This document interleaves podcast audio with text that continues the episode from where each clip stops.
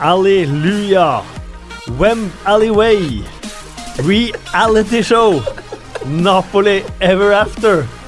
Fire titler tatt fra den engelske tabloidpressen de siste par dagene. De elsker ordspill i England, og de elsker det når engelske lag først gjør det bra i Europa. Og det har engelske lag gjort til gangs så langt denne Champions League-sesongen. Og det skal vi prate litt om i denne vi får kalle det litt ekstra utgave av podkasten med et europafokus.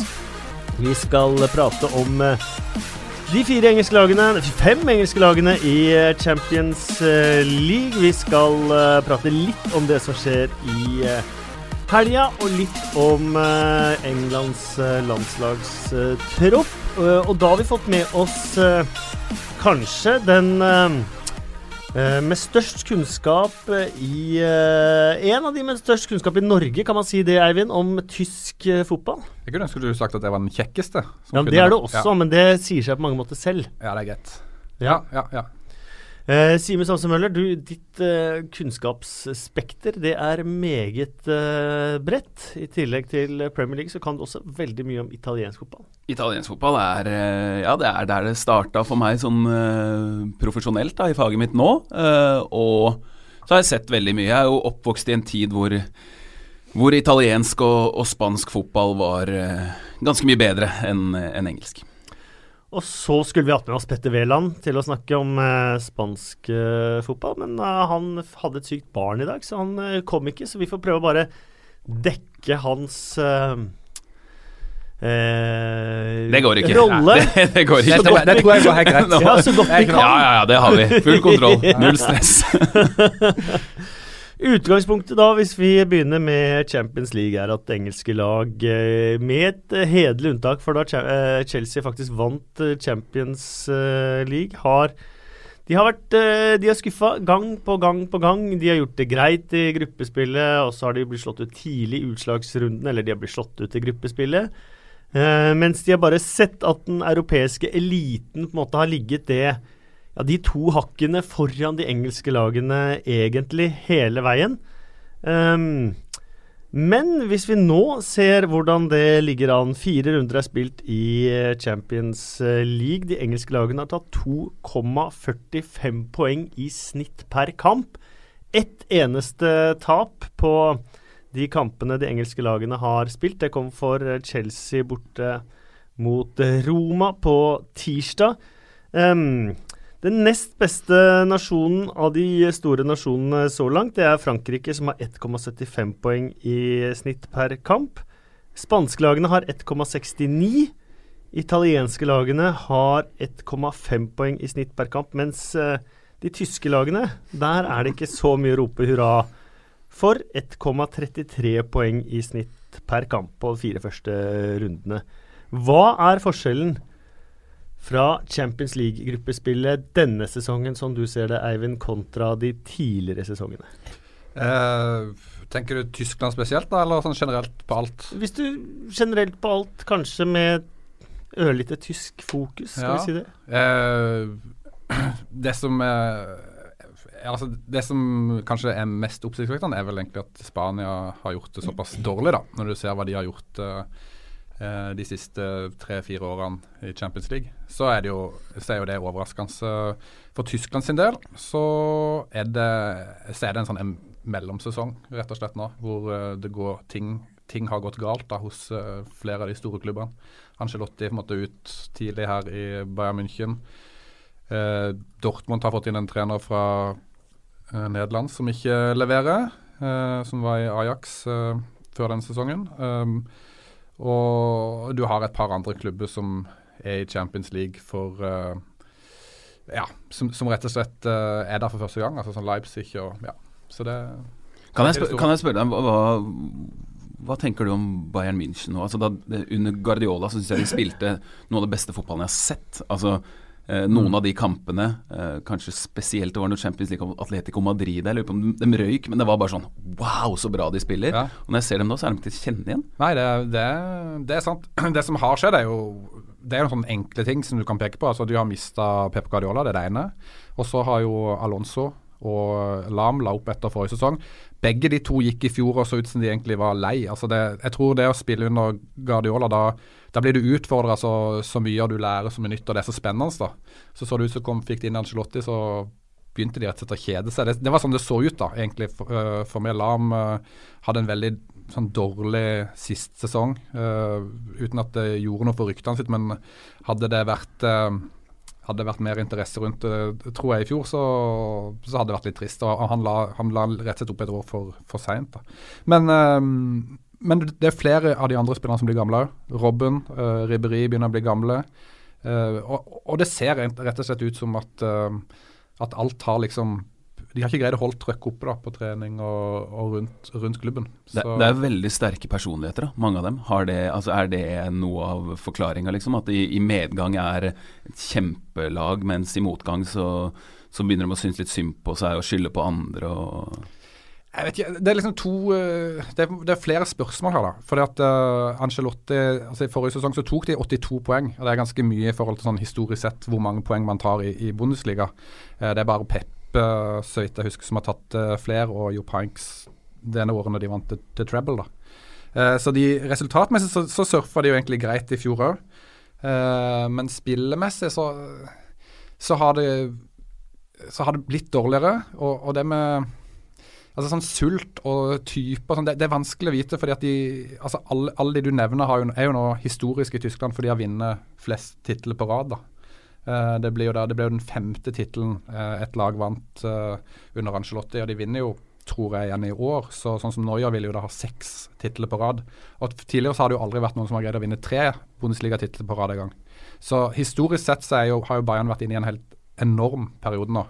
Selv med, med, med Dortmund som, som, har prøvd å utfordre dem. Um, så ja, jeg vet, jeg vet ikke, men de er gamle. Ja, altså, men jeg tenker, de, de, er, de er gamle, enig med da jeg så uh, Robben mot uh, Sverige, da de trengte å vinne 8-0 eller hva det Han mm. trodde på det. Og han mm. spilte så utrolig bra i den ene kampen. Jeg tenker Nå er det tidlig i sesongen der på høsten. Hvis altså Det er jo ikke noe Det er ikke noe vits å krisemaksimere uh, for Bayern München. Mm. Hvis de får ting på stell, så er de jo fortsatt et av Europas fem beste lag. Ja. Eh, de var Jeg er enig med deg. De var Europas beste lag under Pep Guardiola. Men det er den typen fotball da, som kledde de veldig godt. Uh, og det er ut, uh, eh, utvikla tysk fotball òg. Altså, landslaget ble mye bedre pga. at Pep var i Tyskland. Altså, det var mange sånne ting. Og de har gått bort fra det nå. Jeg tror ikke at uh, denne sesongen at, Pep, nei, at uh, Bayern München kommer til å være blant de fem beste lagene i Europa. Sånn, sånn har det virkelig ikke sett ut til nå.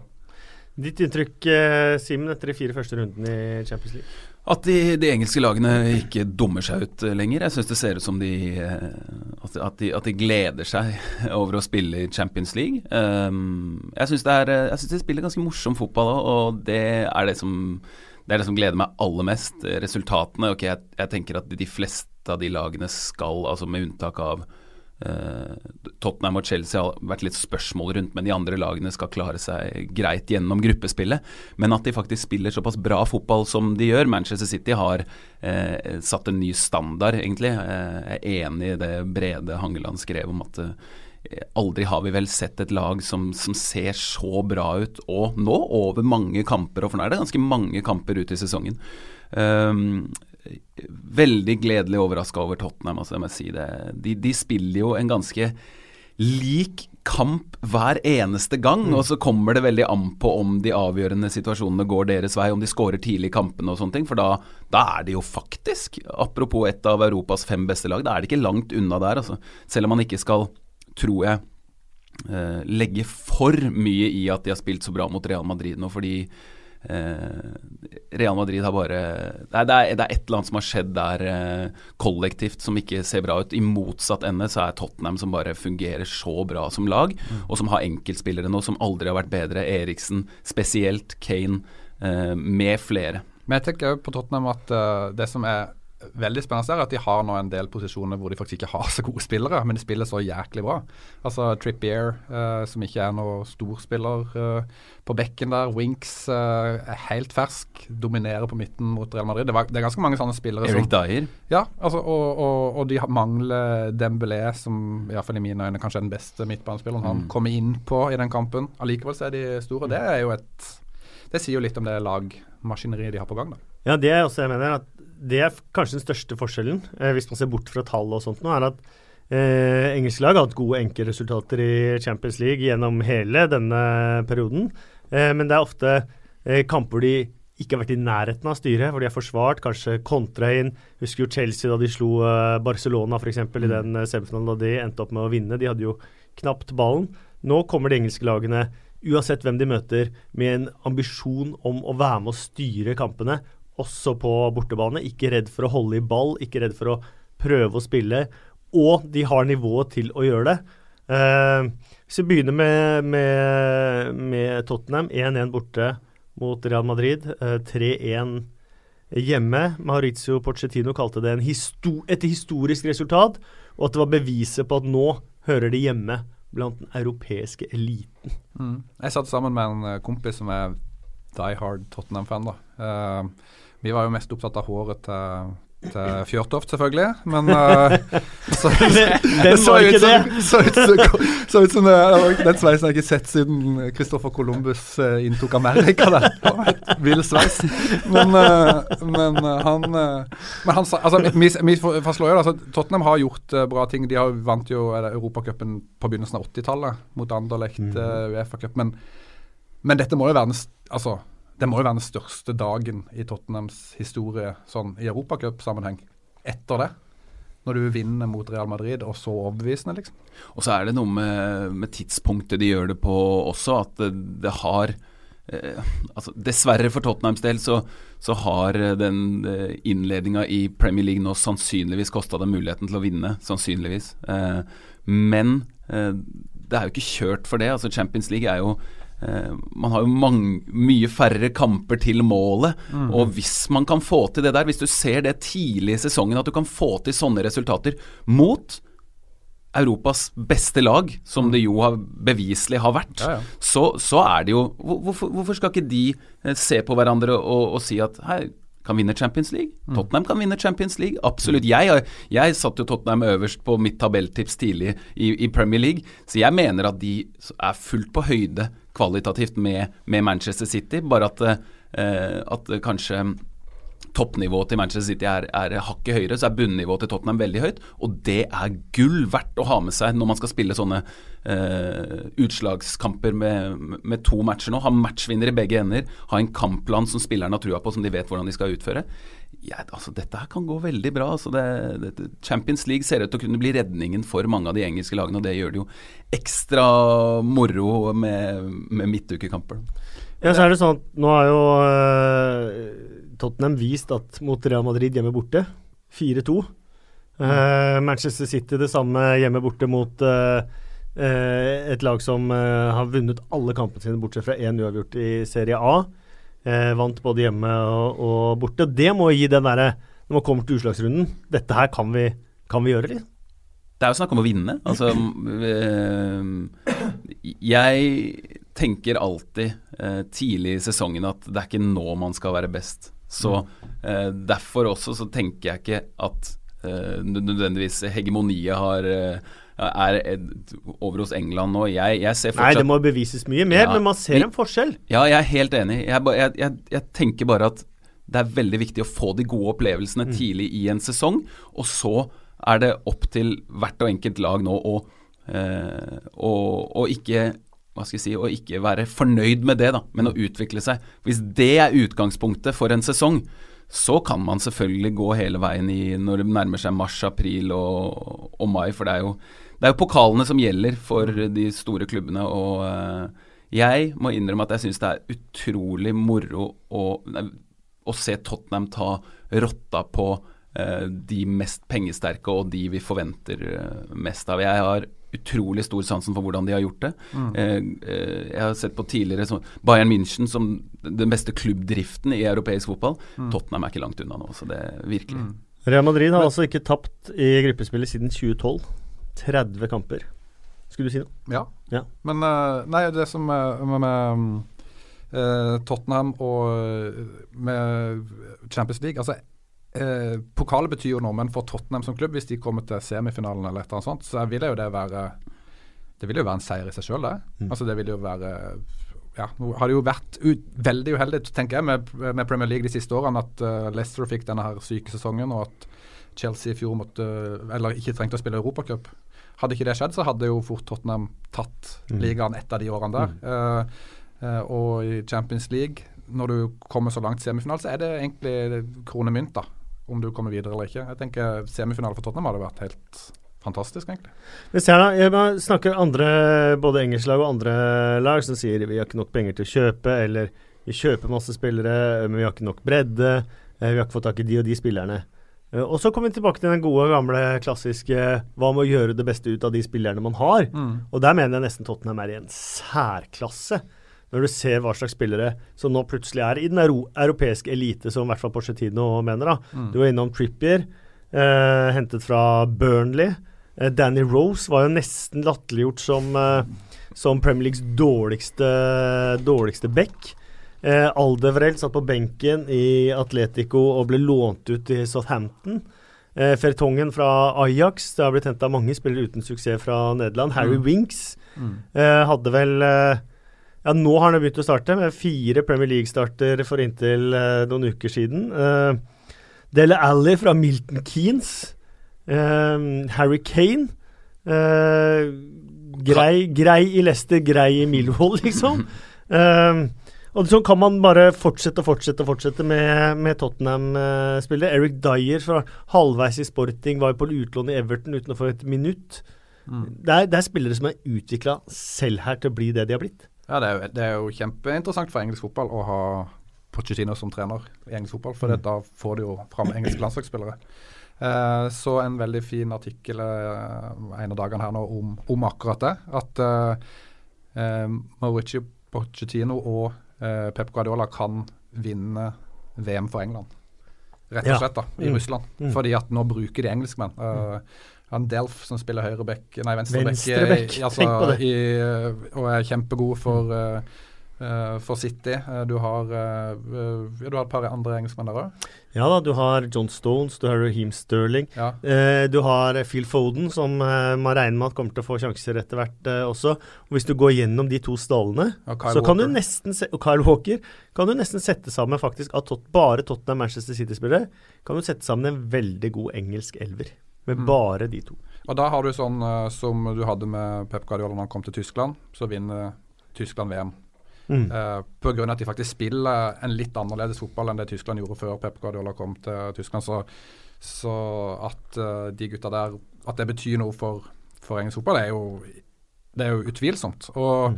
og det blir jo spennende å se om det betyr noe for den engelske fotballen sånn ute i Europa. For de, de, disse vet jo litt mer om hva som skal til, tror jeg. Mm. Eh, for å ta, ta hjem noen trofeer der. Jeg, jeg sier elver, som jeg bare presiserer at jeg mente tier, fordi at uh, hvis ikke må Harry Foss eller Alfie Whiteman stå i mål. uh, nei, jeg, jeg, tenker jo at uh, en god del av grunnen til at det går såpass bra for disse engelske lagene, er jo også at managerne nyter stor tillit da, fra, fra øverste hold. Uh, hvis, du, hvis, du, tar Nå har Pochettino blitt den han har blitt, mye pga. at Danny Livy har, har gitt han hva skal jeg si latt Pochettino få være den manageren han er, da, og at han har hatt suksess, er jo Pochettinos fortjeneste. Men at det er jo Livy som har satsa på Pochettino. Det er Livy som har den strategien han har. Det er ikke noe quick fix, kjøpe de beste spillerne. Jeg tror at Pochettino nok har hatt lyst på å bruke mer penger enn det han, mm. uh, han har gjort. Og så har Livi gjort det på sin måte, så er sluttresultatet blitt uh, veldig bra.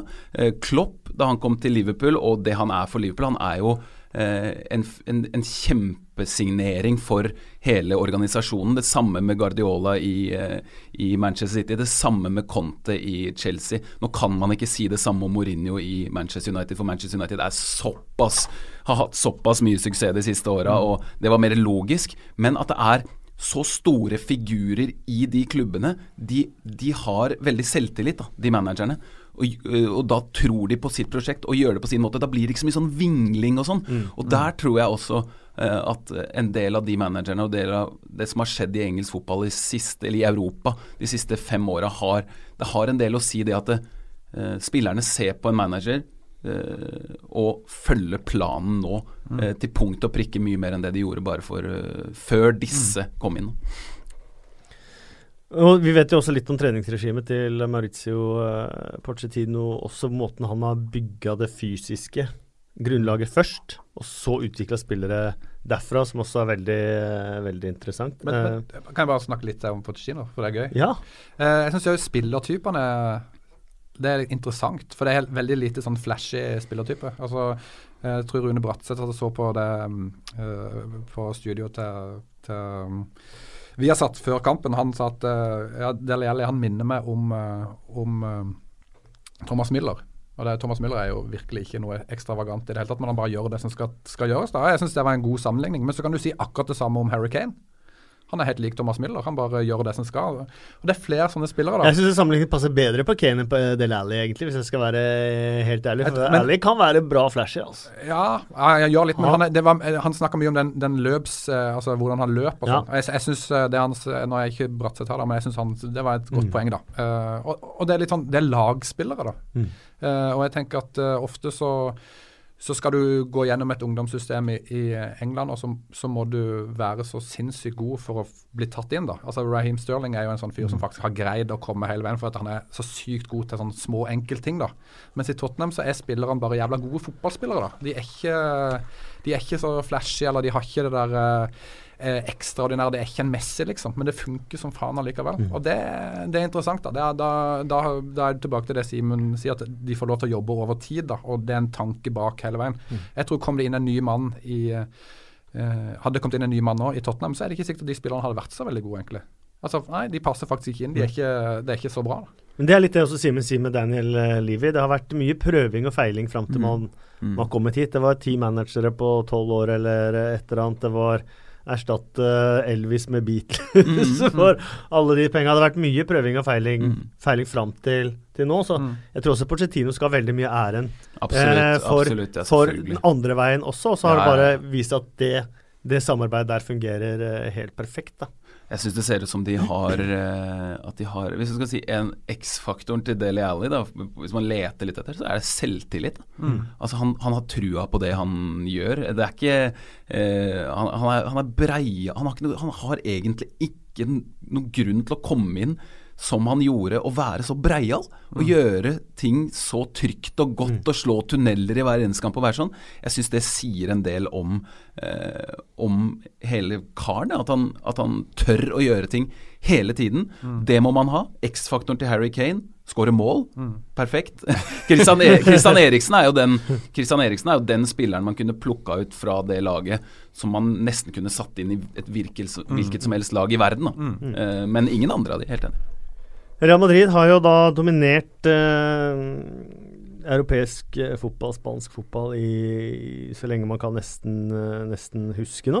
Mm. Eh, nå er det skurr i maskineriet, hvis man skal, skal si, det, si, det, sånn. Eh, hjemlige resultatene har ikke vært der man tenkte de skulle være. Poengtap mot eh, Levante, tap mot Betis, eh, tapte mot Girona. Eh, kampen før de tapte mot eh, Tottenham. Um, der også har det jo vært uh, har man mange, mange, Noe av den bredden Man mista Pepe, man mista Morata, man mista Hames Rodriguez. Mm. Um, har man på en måte Kan man ha vært for fornøyd med tingenes tilstand i, i Real Madrid som man på en måte ikke har klart å fornye seg på den samme måten som mange av konkurrentene har klart det. Utrolig vanskelig situasjon eh, i sommer, da, å, skulle toppe det eller ut, utvikle det som man hadde der. For der, eh, da jeg så dem mot slutten av sesongen i Champions League, tenkte jeg sånn Nå begynner vi å nærme oss et perfekt fotballag. Altså. Dette her er da alle eh, det var, det var, ikke ett eneste, ikke noe snev av et svakt ledd i det laget. Eh, men så fungerer jo fotballspillere sånn at de vil ha mer. Og de, hvis man har prøvd Sånn er det jo i kamper også. Hvis man prøver på en ting, og så funker det, eh, og så scorer man, så prøver man ikke på det samme en gang til. Da prøver man på noe nytt. Da skal det se litt annerledes ut. Jeg akkurat Jeg mener at Isco er den beste spilleren i, på Real Madrid. Jeg, jeg, jeg, kan ikke fatte og begripe at det fins mennesker der ute, og de er mange, som syns at Cristiano Ronaldo er i nærheten av å være like god fotballspiller som Lionel Messi. Oh. Det, det, det, forstår jeg ikke. Nei. Fotballspiller, målskårer, yes. Og profesjonell idrettsutøver, yes, en av de største gjennom historien. Men som fotballspiller, det går på å, å, å spille fri andre, eh, for, forstå situasjoner i kamper som Real Madrid ofte eh, spiller, hvor lag ligger lavt, alt sånn. Så syns jeg i utgangspunktet så burde det vært perfekt å være stilt opp sånn som de er, med Kroos, Modric, Isco bak eh, kanskje verdens beste målskårer. Eh, men jeg syns at det nå virker som at de, de, søker etter det neste. Hva er det neste, hva skal vi få til nå? Og så er det rykk og napp, og så setter Isco opp eh, Cristiano Ronaldo, løper og feirer for seg selv, eller omvendt løper og feirer for seg selv. Så tenker jeg Søren eller dette, dette er ikke sånn lagidrett skal være, da. Jeg, jeg, jeg skulle ønske at jeg så litt mer den derre Eh, så, sånn som du snakka om tidligere, Kasper, med Manchester City, hvor de løper og feirer sammen. Hvor de liksom føler at dette her er vår Alltid dette er vår greie. Ja, peker på hverandre. Ja. Vår greie. Hvor i Real Madrid så er det Det er, eh, det er, det er ekstremt gode fotballspillere på alle posisjoner, men akkurat nå så syns jeg ikke at de spiller som et lag. Atletico Madrid eh, de har slitt voldsomt i, i Champions League. De har slitt voldsomt De har slitt på, på, på hjemlig serie også, men der er det også en del andre faktorer. De har hatt den der registreringsnekten. Uh, det er lenge siden de har egentlig har kjøpt spillere som har gått inn i elveren. De har bytta hjemmebane. Mange faktorer som har gjort det vanskelig for Simione og Atletico. Mm, ja, det er det. Men nå kommer Diego Costa. nå kommer Diego Costa. ja, de, Fyrer litt uh, ja, fart i teltet der, ja. ja jeg, tror blir, jeg, tror det blir, kjempebra. Dessverre så ser det ut at det er for seint, at de kommer til å spille i Europaligaen. Mm. Eh, og at de antagelig ikke kommer til å ha sjanse til å vinne ligaen. Så det blir apropos mellomsesong. altså mm. den, den, her kan bli litt tøff, for man skal gjerne eh, få bevis på at den type fotball funker. For det er jo en fotball som krever veldig mye disiplin. Mm. Eh, Simiones fotball og eh, Gresmann, eh, hvor lenge Altså han er jo veldig lojal, virker det som, da, i og med at han har blitt såpass lenge som han har. Virker som at han koser seg, liker klubben, alt det. Men han må jo også få eh, Han er midt i 20-åra, er han født 91? 26, jeg tror han er født 91. Så, så nå begynner det jo snart å bli snakk om Uh, for han helt sikkert hva, hva, skal jeg gjøre nå? Skal jeg gå til et sted hvor jeg uh, definitivt kommer til å vinne ting, mm. eller skal jeg bli her med gutta mine er de gode nok, og osv. Så, videre. så det, det syns jeg er kjempeinteressant med Atletico Madrid nå. Så gleder jeg meg så Teller dager til Diego Costa er tilbake på fotballbanen. Jeg elsker han. jeg vil gjerne snakke litt mer om Real Madrid. da ja. Fordi at uh, Jeg syns vi har avskrevet Ronaldo så mange ganger da allerede i karrieren hans. Uh, han skal ikke avskrives. nei, men, men, det er det at han, han har alltid hatt det der kroppsspråket, alltid vært mm. den litt uh, kjipe fyren. da Men når det begynner å røyne på utover i sesongen, så er han det alltid. da ja, forrige sesong var jo beste eksempelet på det. Ja, ja. En litt sånn her skuffende halvveissesong. Men når de viktige kampene kom utover våren der, mm, da var det han, uh, han, som bar hele lasset. Ja, ikke sant. Så han, så han uh, skal vi ikke Men uh, han, han, skal vi ikke avskrive. Og så Det som jeg lurer på litt i, i Real Madrid, er jo er treneren. Zidane. Um, jeg drev og bladde i den gamle boka til, til, Diego Maradona her om dagen. Når han hadde bursdag, så da måtte jeg kikke på den boka. Der det, har han en, den boka heter for øvrig 'Verdens beste fotballspiller'. Diego Armando Maradona. Det er tittelen på boka. Uh, den kom ut i sånn uh, Han har lov.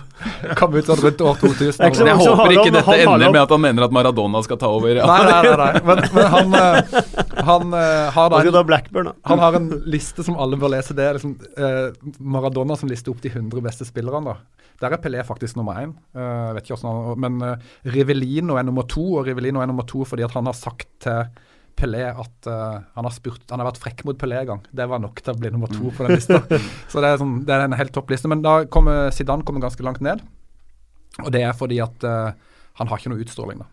Mm. Maradona mener Zidane er en god fotballspiller, men han ser ut som en maskin. Han har ingen utstråling.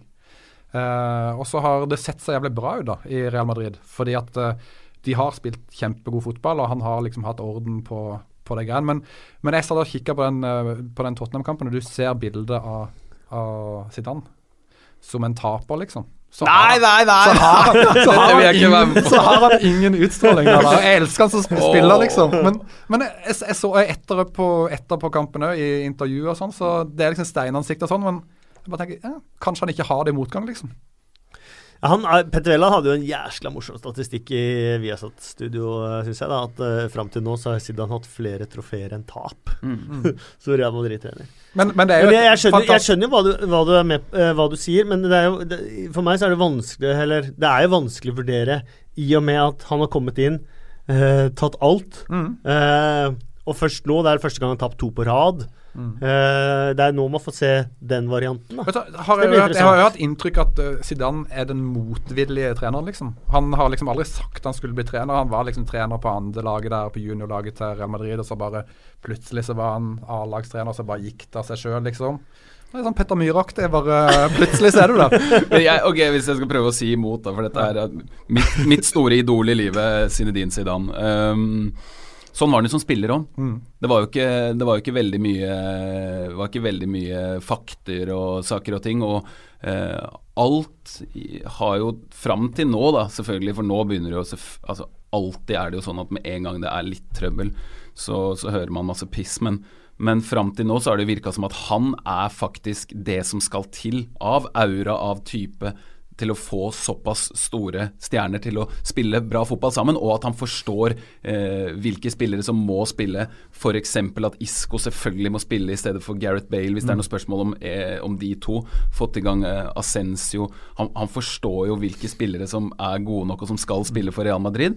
Men Kasper, helt enig. Det er nå man faktisk får svar på hvilket kaliber han holder som eh, manager. For fram til nå, i fjor så tenkte jeg "S- Er Zidane faktisk verdens beste manager? Tenkte jeg da, fordi, fordi at han har fått alt At alt satt, da, plutselig. Eh, Men det er noe med det eh, i disse garderobene her med enorme egoer og, og sånt. noe. Jeg tror Eddie Howe kunne vært så god både trener og manager han bare ville. Men det er ikke ett menneske i Real Madrid som hadde hørt på hva han har sagt. Eh, men kommer du inn med, det, med den bagasjen til Zidane, da, så kommer du inn i den garderoben med en helt annen eh, pondus. Og nå finnes det knapt et menneske der. Hvis Zidane kommer inn i garderoben, du hører etter hva han sier. Du vet at han har vært hva han har vært gjennom, vært verdens beste, du vet hva han har vunnet, du vet hva han har eh, på CV-en, liksom. Det har ekstremt mye å si, tror jeg, i de klubbene der. tok over fra eh, Rafa Benitez, som var den han var, som bare er en sånn eh, fagmann, professor, veldig kjedelig fyr, null sentimental, har egentlig ikke noe greie personlig. Så kommer en generasjon spillere som Zidane trener nå, som, som ser Zinedine Zidane, og som ser det De har hatt han på sånn. veggen når de har vokst opp. ja, ja hvem, har ikke hatt det? Ja, ja, rundt den alderen der. Ikke du, men Ja, men jeg, jeg, jeg, Ian Butterworth, han ja, var på veggen. nesten samme. Eh, vi må videre. Uh, vi må bare Før denne sesongen her så var det jo Det var jo Barca som var i trøbbel. Uh, Real Madrid skulle jo bare i hvert fall surfe hjem La Liga. Eh, Barca derimot har vist seg å kunne klare seg uten Neymar på ypperlig måte. De har gjort definitivt jobben i Champions League, selv om det var et lite feilskjær, feilskjær nå. Um, så vi, vi, vi tenker vi skal prate bitte litt også om uh, hvilke lag vi tror i Europa nå som kan vinne Champions League. Som er de store finalekandidatene. Men uh, først må vi ha en liten lowdown på Italia. For jeg har sett litt italiensk fotball i, i år. Napoli har eh, imponert. De som imponerte meg veldig, er jo Inter. Eh, Både måten de har spilt på, men de er jo ikke med i Champions League. Um, Simen, hvordan er ståa i Italia egentlig? Eh, Napoli har nesten vært like overlegen i Italia som Manchester City har vært i England. Ligger fotball såpass langt bak? Det ville jo i så fall være litt overraskende. Og Roma knuste jo Chelsea. Italiensk fotball har ligget veldig langt bak, men um, det har skjedd noe. Jeg syns at det har vært en, en større revolusjon der enn det har vært i England denne høsten. eh, fordi eh, det er fire ganske jevngode lag, sånn man ser det nå. Roma som som da er motpolen litt faktisk til Napoli. Roma har spilt ganske kjedelige og, og kontrollerte kamper.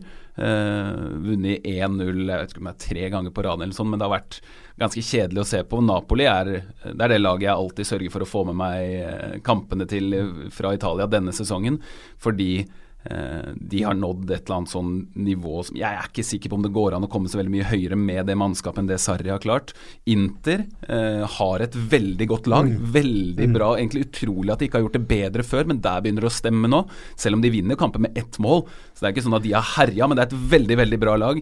Eh, og så i tillegg Juventus, som ikke har den høyden som, som, de hadde tidligere. Så da har man faktisk eh, fire lag som kan vinne, hvor jeg nå akkurat når vi sitter her i dag, bare ser ett engelsk lag eh, som, som, ikke som kan vinne Premier League, men som ser ut til å kunne vinne Premier League, er Manchester City.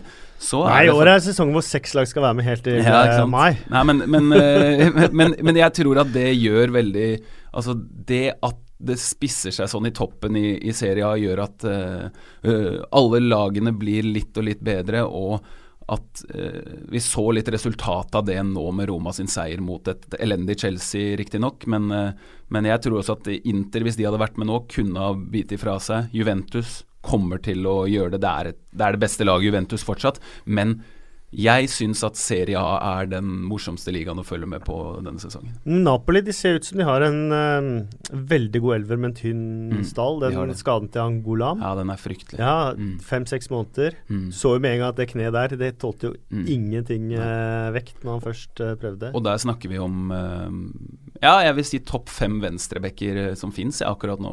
Golam har vært Det er ikke topp fem venstreback som skal erstatte han? Det er det absolutt ikke. Christian Maggio, gammel sirkushest som kom innpå og skulle spille der, og det så vi hvordan gikk på den mm. kontringen til, til Manchester City. Så det, det, er jo det som Det er jo det Maradona sa også nå nylig, at uh, selvfølgelig alle håper jo uh, på at Napoli skal kunne, kunne vinne der nede, men uh, det er ikke så mange som tror på det nettopp mm. fordi at spiller 13, 14, 15, 16 ikke er i nærheten. Hvis Insigne går i stykker, hvis Dris Mertens går i stykker Han er jo egentlig ikke spiss, men han er den eneste spissen som Napoli har nå fordi Milik er er eh, så, så Ja, Han var også ute veldig skadet. lenge, Milik. Men Dris Dries Mertens er morsomt, for han har man hørt om i 100 år. Og han har vært sånn ganske god, mm. og nå er han helt rå. Mm.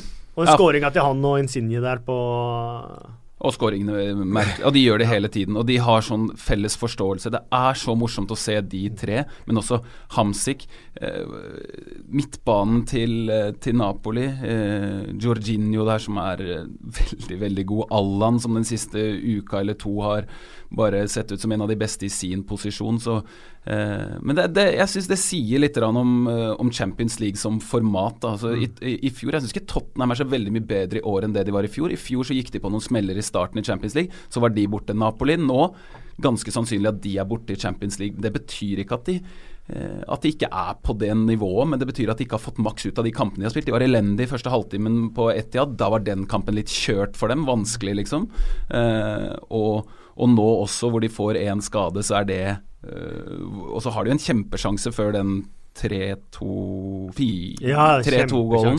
Kjempesjanse. Så, det, er, det, er, veldig jevnt, altså. Det er, ja. sånn Kvalitetsmessig så er Napoli så, Men det er heller ikke tilfeldig at Manchester City vinner den kampen, føler jeg. Nei, og de, og de har jo i, i uh, motsatt tilfelle både at de har bredde, men nå har de jo også en manager som, som, som klarer å se at Delf kan spille venstreback når Mendy er ute. Uh, herregud, for en genistrek, da. Det, men, men, men uh, hvor glad var ikke Pep da når han vant den kampen der i i uh, Napoli der. Uh, ja, sjelden sett han så Han var liksom helt euforisk glad, liksom. Wow. Men han så jo det alle andre så, da. Jeg skrev en eh, blogg ti minutter etter kampslutt. for meg så følte jeg at det var lakmustesten. Borte mot serielederen i mm. Italia. Uh, er Manchester det litt uh, skjøre, sårbare laget som kan spille fantastisk fotball på uh, sitt beste, men som kanskje faller gjennom i hvert fall de tøffeste bortekampene? Eller er det det laget som faktisk nå er så gode som tidligere Pep-generasjoner, som er det laget som kanskje har tatt steget opp i eliten til å bli en av favorittene til å vinne Champions League? Jeg følte den matchen der var litt den der lakmustesten på det. Og den besto de så det sang. Og jeg tror litt av den gleden til Guardiola bunner ut i akkurat det. da mm. Han så det samme. Mm. Det kan godt være det. Uh, det jeg syns er langt fram å si at de kan vinne Champions League, men, men de var gode, da. Enig i det. Eller, ja. Jeg, jeg, jeg, så jo Tottenham-matchen, men jeg hadde et halvt øye på den. Uh, ja, jeg så City-kampen, for jeg skal da kommentere Manchester City på men, uh, søndag. Men jeg syns jo at den, uh, til å være en Pep Guardiola-kamp, så syns jeg jo den var, var, Det var veldig høyt tempo og veldig mye fram og tilbake. Uh, som er litt annerledes enn sånn han det har sett ut. Det var ikke så kontrollert, da. Så jeg tenkte kanskje litt at det handla om det òg, at han var jæklig glad for at selv om han ikke hadde hatt full kontroll, så, hadde, så, så vant de, da, på en måte. Og så er det, Hvis de hadde kommet inn i den kampen med færre poeng i banken, så hadde det jo vært en mye vanskeligere kamp for dem mentalt å angripe. Mm. Uh, ja, de havna under, men eh, det er lettere å motivere seg. Altså det er Lag sliter når de ligger under mot eh, Napoli. Altså. Mm. Men for Manchester City, når de har de, de, kan bare tro på at nei, vi bare fortsetter å spille vår fotball, og så går det seg til etter hvert. For Napoli er ganske sårbare også, og de er veldig gode ofte, ikke på Etiad, men veldig ofte gode de første halvtimen, første omgangen. Men etter det så, så viser det seg at det tempoet koster da, mm. Eh, utover i, i, kampen. Og Det syns jeg faktisk Manchester City eh, har vært utrolig gode på å holde mm. dampen oppe Definitivt. i 90 minutter. Du ser jo Pep Guardiola leder 5-0, og han står fortsatt og gestikulerer som de lå under 0-1, og det er tre minutter igjen. Men det er, eh, noe, fantastisk å se. Noe av det som gjør han til eh, en favoritt for meg, er jo det at han nettopp sier at eh, vi, det, er, det er min oppgave det er min filosofi at vi skal underholde, spille god fotball hele kampen ut. Vi skal ikke, vi skal ikke dabbe av fordi det viser mangel på, uh, på, karakter og vilje. Jeg vil ha sultne spillere mm. som ikke tenker så veldig mye på hva stillinga er. Det du sa med selvtillit, da, det var jo Jeg satt jo nesten og flira når Ederson og John Stones, Otamendi og Delf de spiller altså one-touch-fotball inni egen femmeter omtrent, med både Insigne og Mertens og Hånd inni 16-meteren deres presse er ikke snakk om å slå den lange. Det er bare snakk om å spille one-touch med hverandre. Åkke som. Og da tror jeg også de lå under 0-1. Mm. Eh, og bare fortsette med det der. Det er bare Nei, nei, nei. Prøv å ta fra oss ballen, da. Men, eh, det kommer ikke til å skje. Se hvordan det funker når de vet at de skal gjøre det, og de har blitt fortalt det gang på gang at akkurat sånn skal det gjøres. Du skal ned sånn, der skal du finne vinkel, der skal det spilles på ett touch, to touch. I motsetning, Arsenal mot, uh, mot Everton, som egentlig har kjempekontroll på kampen. Check for ballen. Så bare følg med på kroppsspråket til uh, forsvarsspillerne til Arsenal. Der bør jo ned i vinkel, skape dybde, bla, bla, bla, spille uh, kortpasningsspill. Det gjør ikke de. Det er for meg den store forskjellen på Guardiola og andre managere som spiller sånn. Ja, Chelsea gjør jo også det. Spiller seg ut. Er veldig um, vågale. Uh, og det er igjen, syns jeg, forskjellen på Conte og mange andre som har tenkt på mer pragmatiske, uh, litt sånn kjøttmanagere. Mm. da skal man slå den langt, og så flytter vi etter. Men, men Conte spiller faktisk, legg merke det, Så det mot Bournemouth også, da Bournemouth prøvde å sette høyt press. Her skal det spilles. Ja, og han sa jo det, Pep også, at uh, hvem, hvem, var det han møtte da? Og han sa jo, det var Napoli hjemme. Eh, hvorfor slo dere ikke langt og, og, sånt noe da? Nei, da hadde vi tapt kampen. Vi kan ikke begynne å slå langt når vi skal forsvare oss, eller, eller eh, eh, eller det andre laget eh, begynner å ta over. For da kommer ballen rett i retur. Da får vi aldri hatt ballen. Eneste måte vi kan forsvare oss, er på å ha ballen i, eh, i laget. Men når vi er innom spillerutvikling, da, som vi har vært innom mm. tidligere, se på John Stones. For de spilte jo på nøyaktig samme måte forrige sesong. Så det er one touch spille i egen 16-meter med Bravo mm. og Stones, og Stones mista ballen og de slapp inn mål og sånt. Nå har han stått på sine eh, prinsipper der, og han mm. har utvikla spillere til å beherske det. Det er der den store liksom, respekten for de managerne der ligger for, uh, for meg. Ikke det å kjøpe masse spillere fra øverste hylle og så se hvor bra det blir, men å lage et bra lag Eh, både ved å hente de rette typene, men også ved å utvikle de du, de du har. For potensialet til sånn som har vært ubestridt hele veien. Man har jo bare ikke lykkes. Men generelt, forsvarsspillere eh, ser jo så mye bedre ut, i hvert fall for sånne lag, når resten av laget er skikkelig bra. Da. Eh, tenker på Bonucci som har gått til AC Milan mm. og som som ser helt, han ser helt jævlig ja, ja, ja. ut. Altså. Uh, og eh, Ramos, uh, nå, som jeg syns er den beste midtstopperen som fins, da han spilte mot Tottenham, hvor han blir utfordra på måter han mm. uh, syns er ubehagelig, så ser han ganske Da sliter han. Mm. Og John Stones, så mange ganger hvor han havner i vanskelige situasjoner hvor jeg tenker det der er ikke noen forsvarsspiller. Uh, og han, han, er kanskje ikke den beste forsvarsspilleren, men, men han er en av de beste forsvarsspillerne som Guardiola kan ha, fordi han tør, og fordi han klarer å, å spille men, fotball. Også. Men har du også sett de taklingene han setter inn denne sesongen her? Timer det, det bedre enn Timer det, og det suser inn. Det er sklitaklinger, og han gir i dueller og Nei, det må jeg virkelig, virkelig si. Men det, hat, det hater jo Pep, da. Ja, Sklitaklinger. Det er det verste han vet. Igjen for det engelske landslaget, da. Ja, ja. Uh, som du var, uh, du var, inne på, hvordan han utvikler spillet. For Stones eller Otamendi sammen, uh, uten Company i forrige sesong, det så jo ikke ut. Mm. Denne sesongen ser de, kan, kan man nesten ikke se at Company skal ta en plass, sånn som de eh, de Otamendi er livsfarlig, da. Ja, men- Altså, men- men det- det- det- han, kommer til å ja, han Men det er det som jeg tenker med Nei men, nei, men vi sitter jo her er liksom det ryktet de har hatt, da, for jeg har sett det tidligere. Det er litt sånn som vi har sittet med Raheem Sterling. Eh, Det tar tid for han skal overbevise meg òg.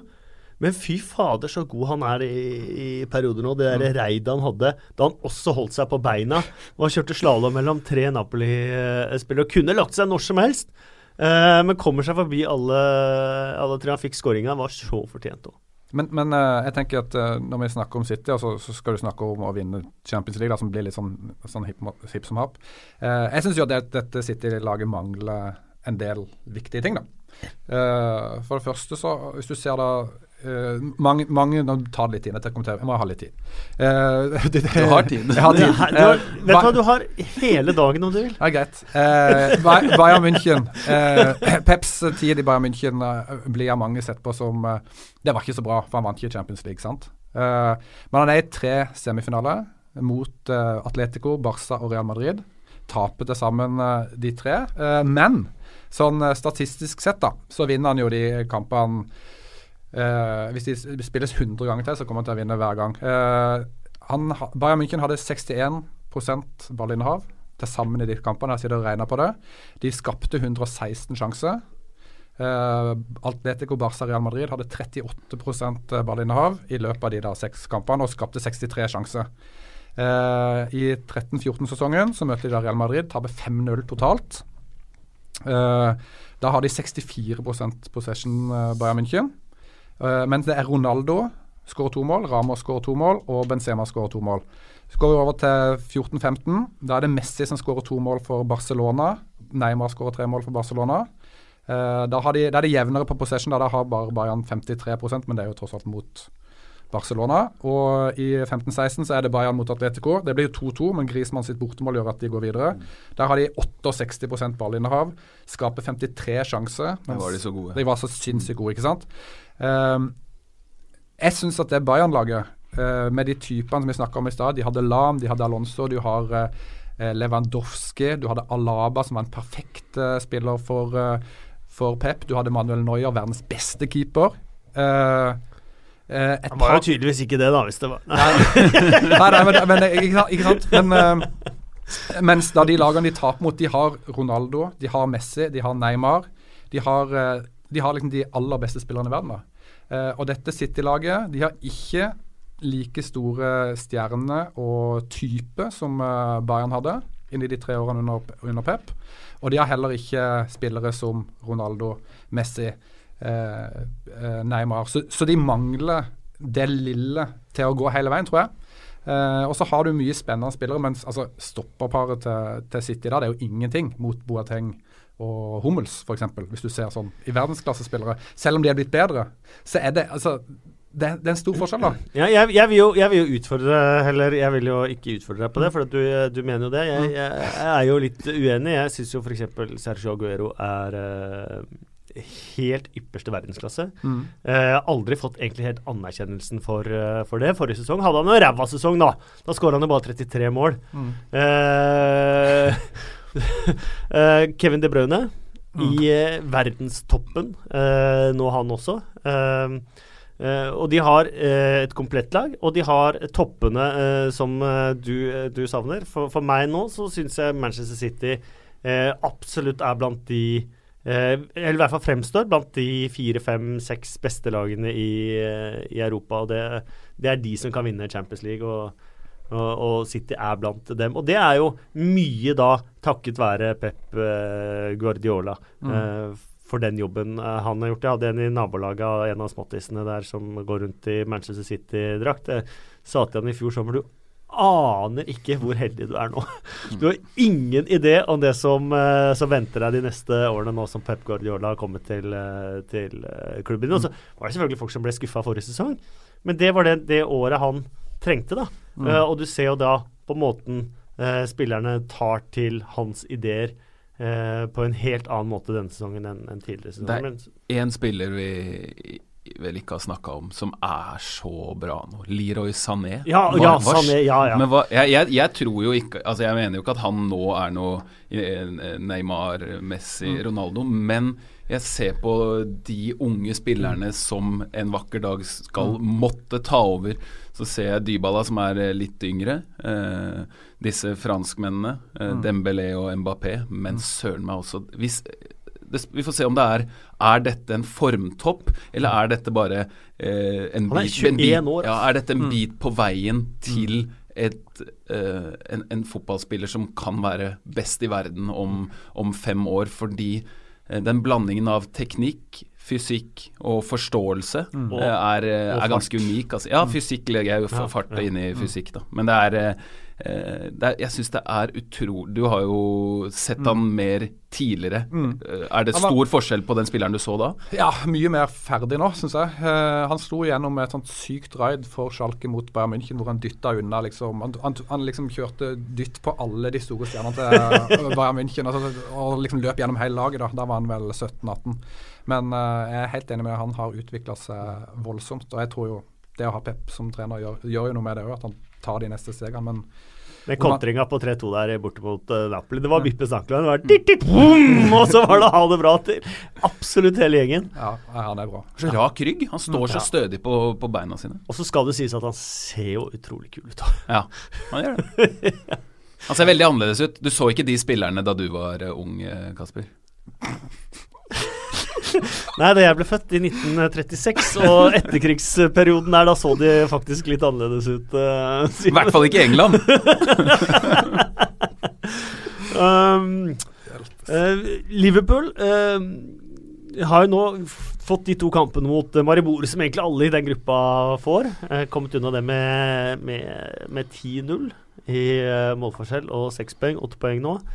Eh, det gjør at de sitter jo litt sånn De sitter veldig komfortable Eller ikke komfortable, men de sitter veldig godt an før de to siste kampene til å avansere, eh, de også, da.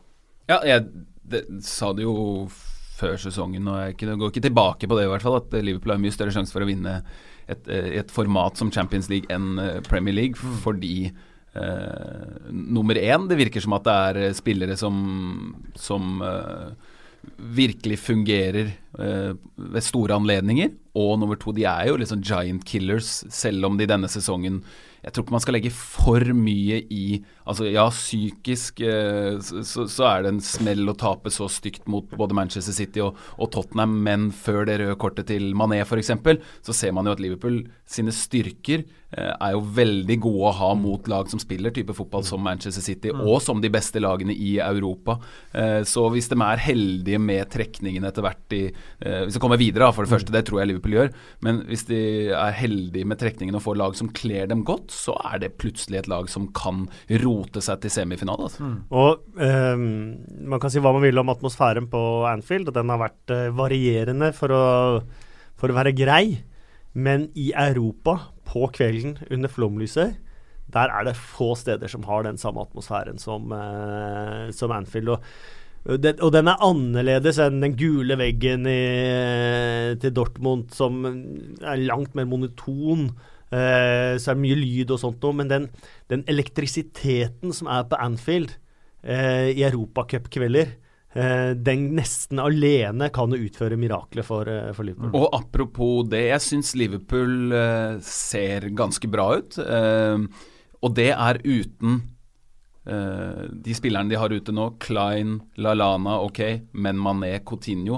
Og det vi snakket om i stad, at det er ikke det er ikke nå man skal være best, men sett at det laget eh, eh, spiller seg til et toppnivå eh, utpå vårparten, så altså Det er gode spillere, altså. og- Salah ser så bra ut. ja, kjempesignering. Og øh, det, det Jeg syns jo at det største problemet til Liverpool er jo et problem de er i ferd med å, å fikse nå med at Nabi Keita kommer inn. De trenger noe sentralt på midten som er bedre med ballen, rett og slett. Da, for da tror jeg Og hvis de får inn en, en stopper til, får se hva som skjer i, i januar. Eh, vet du om det er mulig at Keita kan, kan eh, komme i januar? Apropos eh, Jeg tror ikke det. Nei. Men uh, det kommer vel, hvis det er helt kjørt for, uh, for Leipzig, både i serie og, og Champions League, kanskje, men jeg, jeg tviler vel på det. For det er noen brikker som Jeg syns det er så enkelt. da Det er noen Mm. brikker som mangler i det Liverpool-laget for at det skal se ikke komplett ut, men se så bra ut det kan gjøre for et uh, realistisk sett for et Liverpool under, eh, under Klopp. Um, Dejan Lovren har vært uh, innom uh, fæle ting Mm. uh, siste uka. Fått drapstrusler på sosiale medier for måten han eh, spiller på. Eh, for meg så blir det et sånn større og større problem, da. Eh, så Evra nå eh, Han gikk jo over uh, grensen. Han sparka et menneske i ansiktet. og Det er ikke på noen måte for å verken forsvare eller unnskylde det. Eh, men man kan jo tenke seg hva han egentlig har fått høre eh, av abuse. Eh, blir verden både det blir både så stor avstand i denne verden mellom disse fotballspillerne og resten av, av alle andre mennesker, samtidig som det blir så nære fordi man kan nå dem på sosiale medier. Det virker nesten som en ekstremt giftig miks, da, de to tingene der. Og i, ti, i tilfelle Loveren, så, så er jo jeg ganske klar på at det er, eh, det er mye Klopp sin skyld. Da, fordi jeg så det veldig tidlig, jeg regner med at mange andre så det veldig tidlig, at Loveren er jo langt fra god nok for dette laget. De slipper inn veldig mange mål, eh, og han er involvert i 60-70 av, eh, av de måla. Hvis man ikke identifiserer nummer én det problemet, og nummer to gjør noe med det, så hoper det seg opp så sinnssykt. Og i, som du er inne på, Kasper, i dagens eh, verden, så er det jo dessverre sånn at da da blir det sånn ekstremt mye kritikk, og det blir, det blir rett og slett guffent for spillerne. Da. Og det er managerne, det, det sier også noe om den store jobben de har. Da. Det er managerne som har ansvar for at de situasjonene ikke skal oppstå. Ja, jeg syns måten han tok det på etterpå, at han bytta ut uh, Loveren på, på Wembley, så mener jeg at man skulle sagt uh, Han har slitt med skade, alle vet om skadehistorikken hans. Uh, jeg så at han kanskje ikke var fit. Det er mitt ansvar at jeg spilte han. I stedet så sa han eh, jeg hadde forsvart meg bedre med sneakers.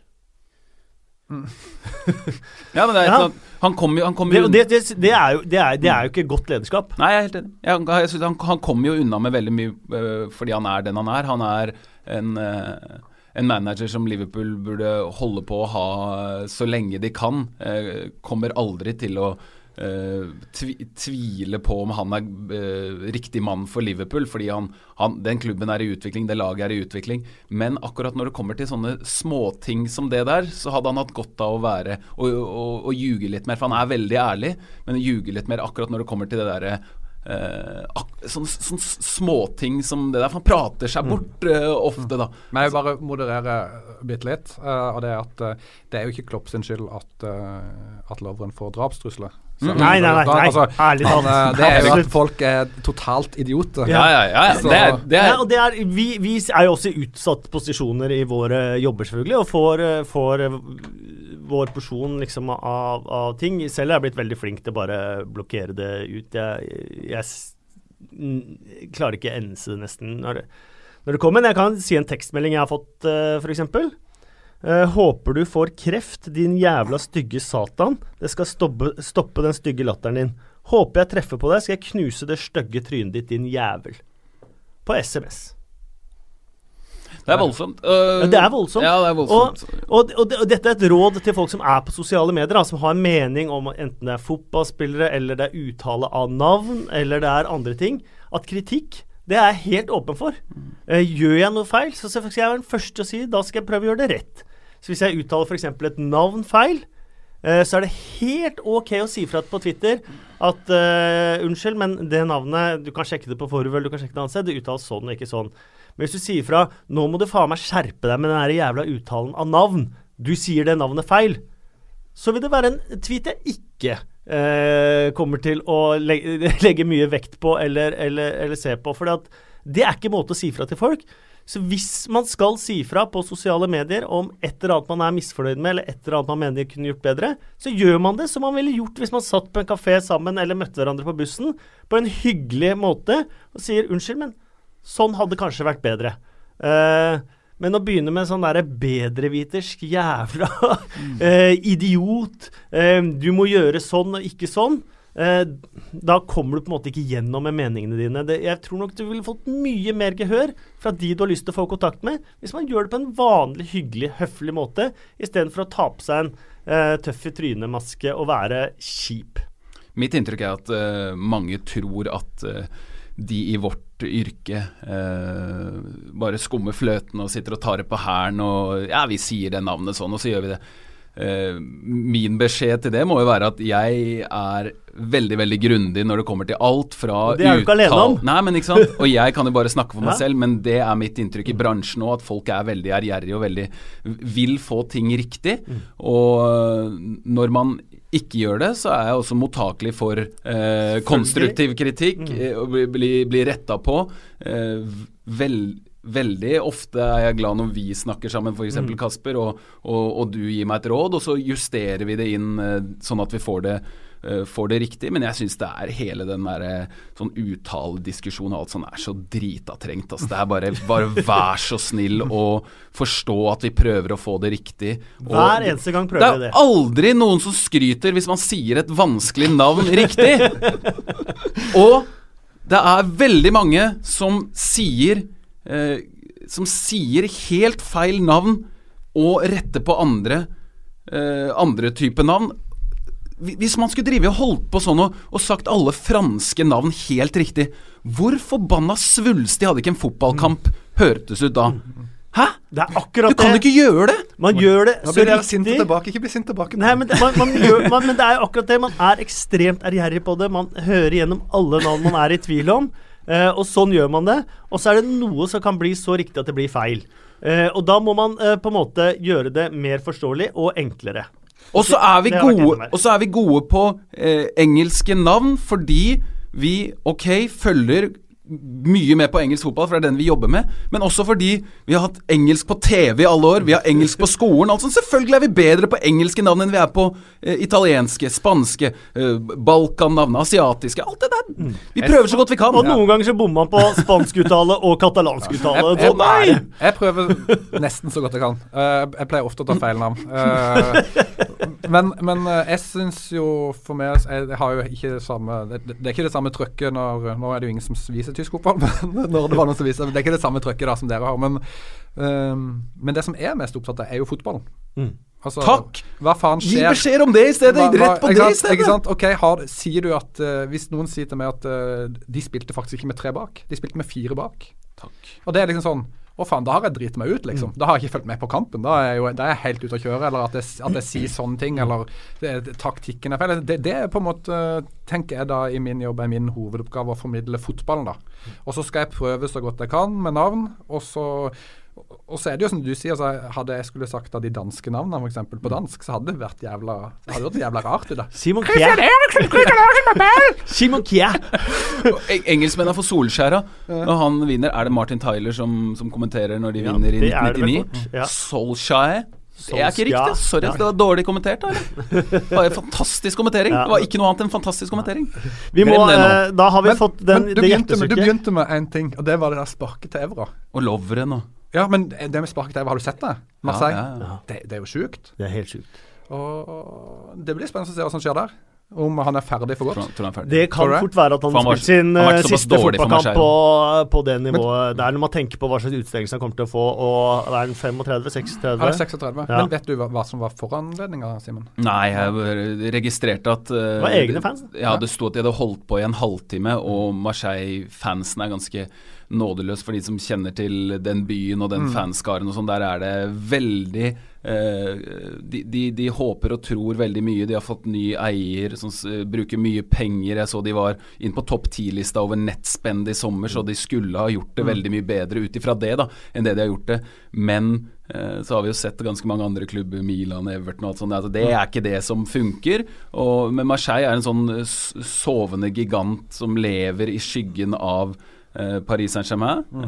og fansen deres er fortsatt veldig kravstore. Og når en spiller som Evra, med den størrelsen, eh, med den typen han er også, for han er jo veldig eh, Han viser seg jo veldig mye. Når han ikke leverer på banen, så blir han en skyteskive. Og, og sluttresultatet tror jeg vi så i går, for jeg er ganske sikker på at han er ferdig i Marseille. Uh, Chelsea. Um, for meg så har inntrykket vært at uh, Chelsea um, Eller Conte kanskje har tenkt liksom at Manchester City de ser sterke ut i, uh, i Premier League. Vi prøver, men der jeg helst har lyst til å ha suksess, det er i Champions League. Så Morata, da han kom tilbake fra skada, kom ikke tilbake i en Premier League-kamp. Han kom tilbake i Champions League-kamp sammen med Eden Azar. Um, Eh, nå gikk det gærent mot, uh, mot Roma, da. Uh, de fikk jo så passet ble påskrevet så det suste etter òg.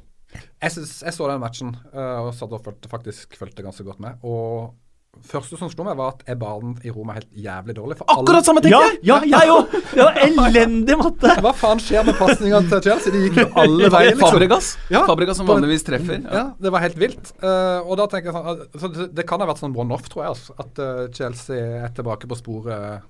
Neste gang, det, det, som er skummelt med å ha en sånn one-off for Chelsea nå, er jo at uh, de, de, er akterutseilt i, i, Premier League, ser det ut til. Mm. og at dette her har Noe lignende har skjedd før. Man trenger jo ikke å se langt tilbake for å, den Mourinho andre mm. sesongen som Conte snakker om. Så mm. uh, virker det som at fansen Jeg liker ikke det jeg ser og leser.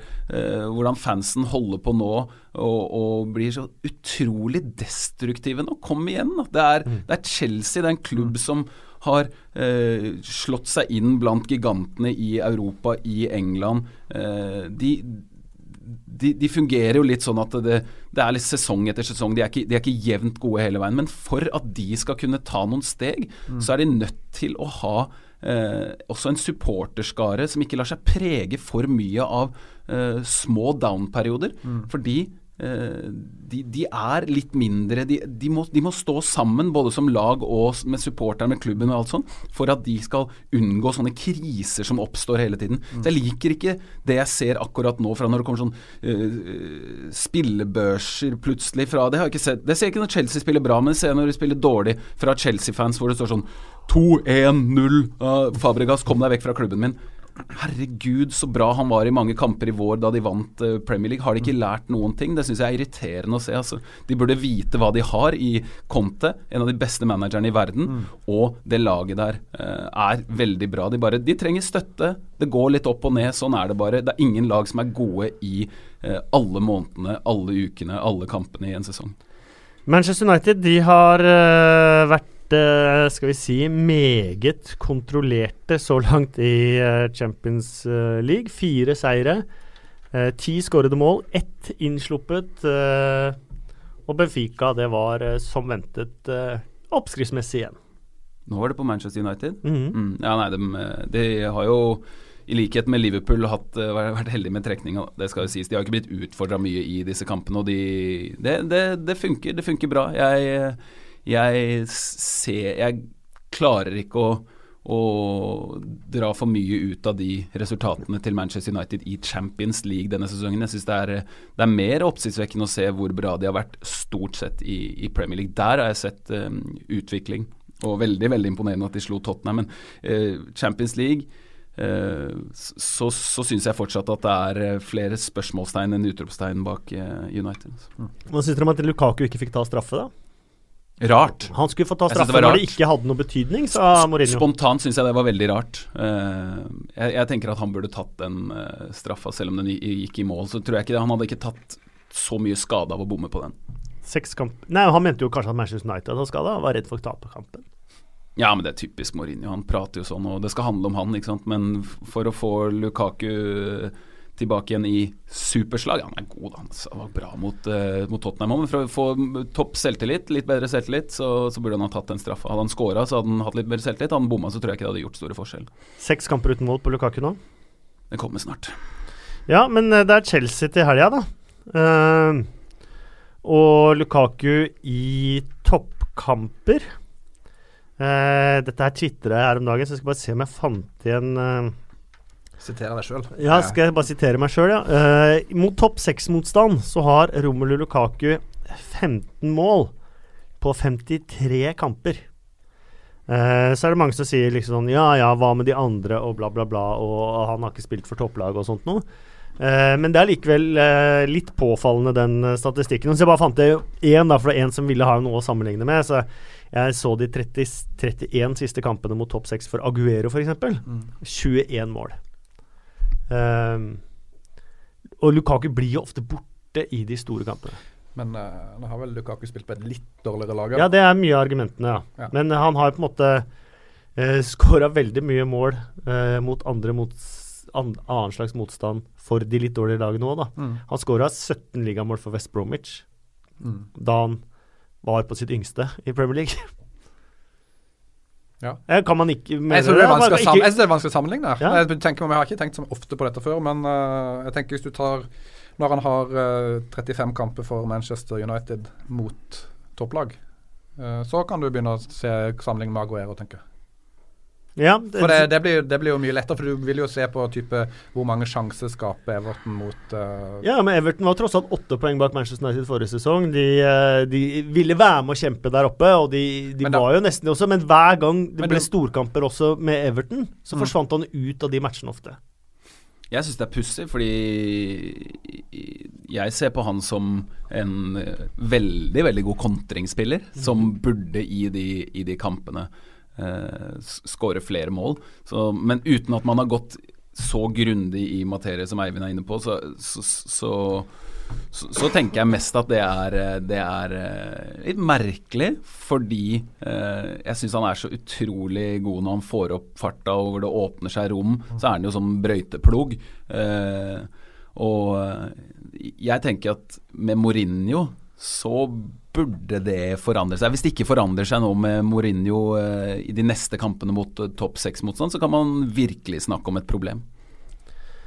Um, det er altså slik at uh, hvis vi skal Vi skal ikke legge mye vekt på Europaliga. Det har vært uh, litt så som så. Arsenal kvalifiserte seg til uh, videre spill i går med en, for en traurig match oh! mot uh, Røde er, Stjerne. Er de her Walcott, Coquelin Få se med Wilshere, da. Det, det er Wilshere var den eneste som viste ja, den lille han, klassen han over de andre, faktisk. Men, men, men de andre Walcott ser helt ferdig ut. Er han ferdig, liksom? Han ser sånn ut. Jeg, jeg syns det er men, utrolig rart. Nytt miljø, kanskje, da. Ja, han, han, ja, og Coquelin mener jeg helt seriøst aldri har vært god nok for et lag som skal kjempe om ligatittel. Nei, nei, ikke, ikke, det, ikke det hele tatt, men han ser liksom så utrolig dårlig ut nå. Uh, Eddie Nketia hadde jo muligheten til å ta en Rashford, da. Ja. To mål i ligacupdebuten. Skulle han klart to mål i europaligadebuten òg? Det, det, det er ikke, helt samme kvaliteten. Men uh, de, jeg er jo fortsatt bekymra for Arsenal med tanke på framtida, da. Uh, etter Øzil og Sanchez. Nå skal Sanchez på audition på Etiad eh, denne helga. og, og Øzil eh, jeg, tror han, jeg tror ingen av de kommer til å spille i Arsenal eh, starten av neste sesong. Men Manchester City skal passe seg for å hente Alexis Sanchez nå. Ja, ok, men, men, nå uansett, hva er hvem, hvem, er det som skal bære Arsenal videre? Wenger, har han kontroll på at han skal Han snakker om at han skal, den dagen han skal gi seg, så skal han gi over Arsenal i best mulig forfatning. Det, det, hva her skal han klare det? Ikke med de spillerne. Da trenger vi masse nytt. Og. Arsenal er ikke noe sånn veldig attraktiv klubb å gå til nå, hvis du ser sammenligna med konkurrentene. Mm. Jeg syns det er stor grunn til bekymring for det som er bak de to som er noe i nærheten av uh, verdensklasse. Mm. David Unsworth, han Jeg får aldri sagt noe. Syns du ikke det? Nei. Beklager, da. Nå vil jeg snakke om coquelin. Oh, ja, jeg kommer okay. jo alltid inn for seint. Ja. Jeg, jeg, jeg, jeg hadde egentlig ikke planlagt vi skulle prate om Arsenal, men da gjør vi det likevel. Ja. Han kommenterte når han var på lån i Freiburg. Uh, og da var han en helt elendig kantspiller. Det er det mest overraskende jeg har sett i hele mitt liv, når han plutselig spilte fast sentral midtbane for uh, Arsenal. Det er, det er, altså det rareste som har skjedd noen gang. Og da skal vi heller ikke glemme at Leicester henta Canté som venstrekant. Uh, og at Canté spilte de par første kampene for Leicester uh, først på benk, så ligacup som venstre kant. Så du foten eller hæren til Casorla? Ja, apropos. Fytti, det så ikke bra ut. Han hadde dem trengt. Stakkars. Nei, det så ikke bra ut. Han kommer, kan han komme tilbake? Det, det, virker, det, sånn virker, det, virker, jo ikke sånn, men uh, det, hadde, det, hadde, vært en spiller som Arsenal hadde trengt, ja, apropos det, og, som, som, som passer veldig godt til spillestilen, og som er utrolig bra. Men Everton hadde sparka Koman, ansatte David Unsworth. Um, ifølge Joey Bartnett, der var vi innom i sist uh, podkast, så er han bare en, uh, en uh, glorified uh, gymlærer uh, som er for tjukk til å være manager. Uh, hvis man legger det litt til siden, så syns jeg ikke han har overbevist i det hele tatt. Uh, første kamp mot Chelsea syns jeg ikke så så verst ut, faktisk. Andre kamp mot Leicester så verst ut. Og mot Lyon i går så ganske verst ut, det. Og da var vi i tillegg på å bruke spillere i helt nye posisjoner i tillegg. En mann som famler, famler i blinde, virker det på meg. Uh, og en mann som er full av disse gode, gamle klisjeene. We're gonna play on the front foot. Uh, the lad was lucky, the lad put in the effort. Bla, bla, bla, bla, bla. Uh, det var snakk om en fire kampers audition for han, kanskje. Eh, vi kan vel nesten bare avlyse den Ja. allerede før Watford-kampen. Jeg kjenner ikke til han bortsett fra som spiller i gamle dager, da, men har han jobba i, i junioravdelinga? U23-avdelingen, så det har kommet fram veldig masse spillere derfra. Ja, for de har jo et fantastisk spennende uh, ungdomsakademi der. Men så er spørsmålet om det er hans fortjeneste, eller om det er andre som uh, har fått dem fram dit til han på U23-laget. Kanskje det kunne vært enda bedre. Nei, men der er det SOS nå også. Ja. Everton er ikke for bra til å rykke ned. Oi. Nei, Jeg syns ikke det. Jeg, jeg, men jeg, um, jeg, jeg Det er De har dårlig tid når det gjelder å få på plass en, en manager som skal få det laget der til å fungere sammen. Jeg er sjokkert over uh, hvor lite vilje og plan det er i Everton for tiden. Uh, Jeg syns det er utrolig trist å se, for det er, jeg liker mange av spillerne der. Jeg liker klubben veldig godt. Arenaen, så Fantastisk. fint sted å være. Men eh, når eh, lag som Burnley, Newcastle med flere ser såpass godt drevet ut, da, og jeg tror de lagene eh, har kjempegod kontroll, Watford det samme som man kanskje tenkte skulle være nedi der, så har Everton plutselig havna i eh, et sjikte nå. Eh, de, er faktisk nødt til å stikke fingeren i jorda og innse at dette her blir eh, en kamp for tilværelsen. Altså. Ja, eh, Og hvem skal ta over? Ja, Hvem hvem skal skal- ta over? Marco Silva var vel førstevalget, men det, han kan ikke bare være en halv sesong i hver klubb, Marco Silva heller. Nei, hvorfor, skal, han- hvorfor skal han gidde å ta det laget ja. nå? Uh, Sean Dyche Hvorfor skal han gidde å ta det laget nå? Denne det, sesongen? det kan jeg godt forstå. Skulle sesongen, det, men, eh, men spørsmålet er jo det Vi har aldri sett han i en, i en sånn type klubb. Jeg syns det var et ekstremt godt spørsmål fra intervjueren etter seieren mot eh, Newcastle. Har du tatt Burnley så langt det går an å ta Burnley? Og hvis Sean Dyche tenker det, så blir jo Everton plutselig langt mer interessant. For potensialet til Everton er ubestridt mye større enn eh, Men hvis han, Burnley. ikke, hvis han ikke får orden på Everton nå, så er jo mye av hans renommé, eller i hvert fall da er det skada, da. I Ja. stedet så kan han nå bare jobbe med Burnley, som er oppe og lukter på topp seks nå. Og det, det, det Champions League på Turf Moor neste sesong! Nei, men jeg, jeg, altså, hadde jeg vært han, så hadde jeg aldri i verden eh, bytta jobb nå. Eh, men hvem skal Everton ta, da? Skal de gå, skal de gå den veien med, med quick fix Sam og engelsk Allardyce fotball? Og, eller skal de tenke sånn som de andre klubbene som ser på seg selv som topplag i Premier League gjør nå, og gå for mindre nordeuropeisk tilnærming og spille fotball? Det tar tid, det er vanskelig. Tør de det i den situasjonen Men de eh, de har jo vært nevnt, han Thomas Tuchel har jo Ja. vært nevnt. Eh, jeg tviler. Nå er jo han nevnt i Bayern München òg, som neste sesong, da, så det kommer litt an på der. Men eh, hadde de kunnet fått han, så hadde det vært helt sjukt, da. Han er jo Ja, men det var vel det de fort innså, tror jeg, at Tuchel er vel er så å si klar for Bayern. Ja. At det, for jeg tror det var han det var spekulert veldig i starten Ja, det hadde vært gøy. Ja. Med Klopp og han i samme by, og Mm. Mourinho og Pep i samme by. Det hadde begynt å svinge litt der, Også. um, England skal møte Tyskland og Brasil. Ashley Young tilbake. England har spilt 49 kamper siden sist eh, Ashley Young var på banen for Three Lions. Ashley Young uh, Dele Alli sa Stikk din vei med gåstolen din, og Ashley Young svarte Kom tilbake når du er inne i Premier League. Eh, nå er de lagkompiser! Nei, den engelske troppen der var ikke mye fryktinngytende. Altså. Nei, men eh, så er det spørsmål eh, Er det veldig spennende at Tammy Abraham, Joe Gomez og Ruben Loftus-Cheek er på landslaget? Eller er det sånn at alt du trenger å gjøre, er å spille tre kamper på rad i Premier League, og så er du enten landslagsspiller eller landslagsaktuell? Det er litt spørsmålet. Jeg hadde en eh, blogg om dette hvor jeg gikk gjennom en god del av disse spillerne som Enten er de fringe players i klubbene sine, eller så har de ikke bevist uh, noen ting. Uh, Harry Winks var et eksempel. Han ble tatt ut på engelsk landslagstrappen etter å ha starta totalt i hele karrieren fire Premier League-kamper. Uh, jeg mener at da har du ikke vist nok til å være på landslaget, selv om Harry Winks Det er ingen forkleinelse for Harry Winks. Fantast ser fantastisk ut. Kanskje faktisk mer naturlig å ha han med i denne troppen enn den forrige troppen, i og med at han har vist en god del varianter. Joe Gomez, jeg ser statistikken til Liverpool med og uten han på baklengsmål. Uh, Ruben Loftus-Cheek fikk jo sin landslagsdebut på U21 av Gary Southgate. Uh, jeg tror han spilte 21 kamper under Southgate på U21, og de tapte ingen av dem.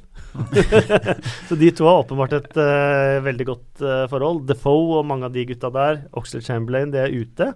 Det er sånn bredden i landslagsstaller, eller i land, da. hvis man skulle satt opp et sånt andre en andre eller tredje elver på det engelske landslaget. Det er, det jeg syns det er grått nok, den første elveren. Ja, Hodgson mente han hadde 30 spillere å velge i.